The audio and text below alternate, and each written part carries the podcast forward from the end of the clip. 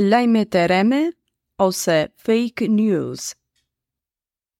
Lajmet e rreme janë informacione mashtruese të cilat paraqiten si lajm.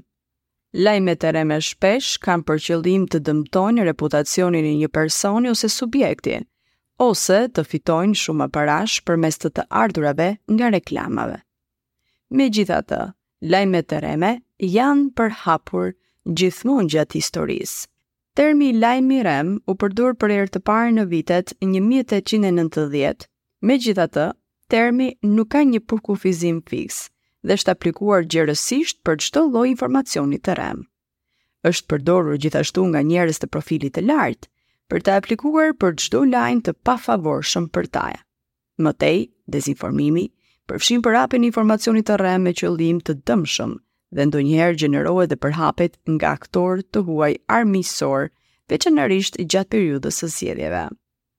Përhapja e lajmeve të rreme është rritur kohët e fundit sidomos përmes mediave sociale dhe ky keqinformim po depërton gradualisht në mediat kryesore.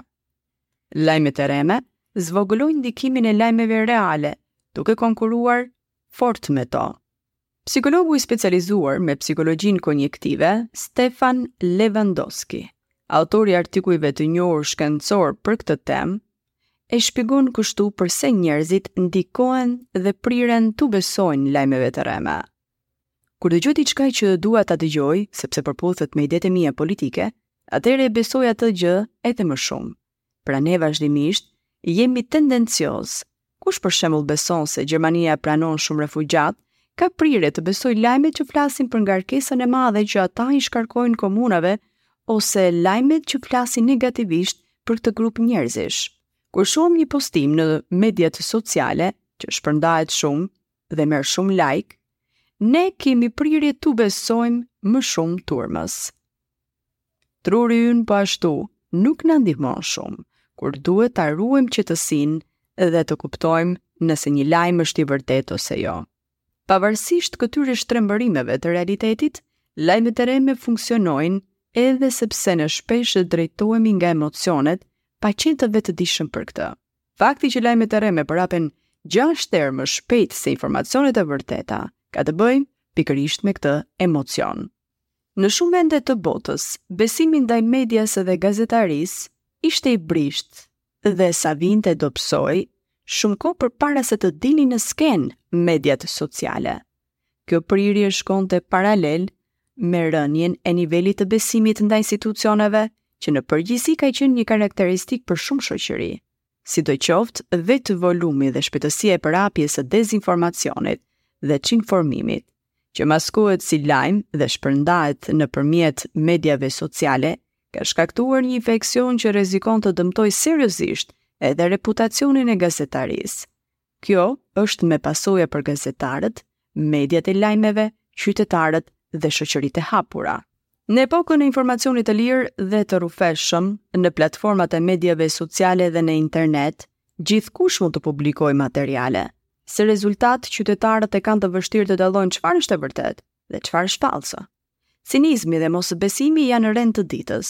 Po përhapen pikëpamje ekstremiste, gëlojnë teoritë konspirative dhe lulëzon populizmi, ndërsa ato të vërteta dhe institucionet që dikur respektoheshin tani vihen në pikëpyetje. Në këtë situatë, redaksitë e lajmeve po luftojnë që të luajnë përsëri rolin e tyre historik si kujdestarë dhe të prodhojnë materiale që na ndihmojnë të arrijmë tek e vërteta.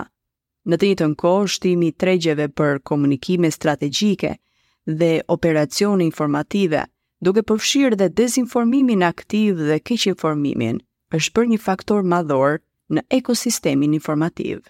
Është e qartë tashmë se për t'i bërë ballë këtij problemi ka nevojë si për ndërhyrje të mëdha, ashtu dhe për të vogla.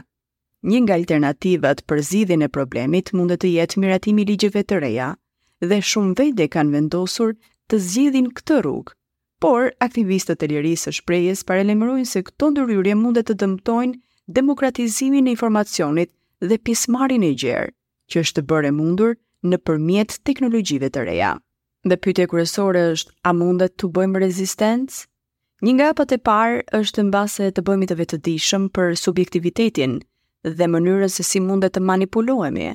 Ndaj si qytetarë, si lexues dhe si kërkues të informacionit, le të kuptojmë burimin dhe më tej të shohim nëse burimi është i sigurt dhe nga e ka origjinën.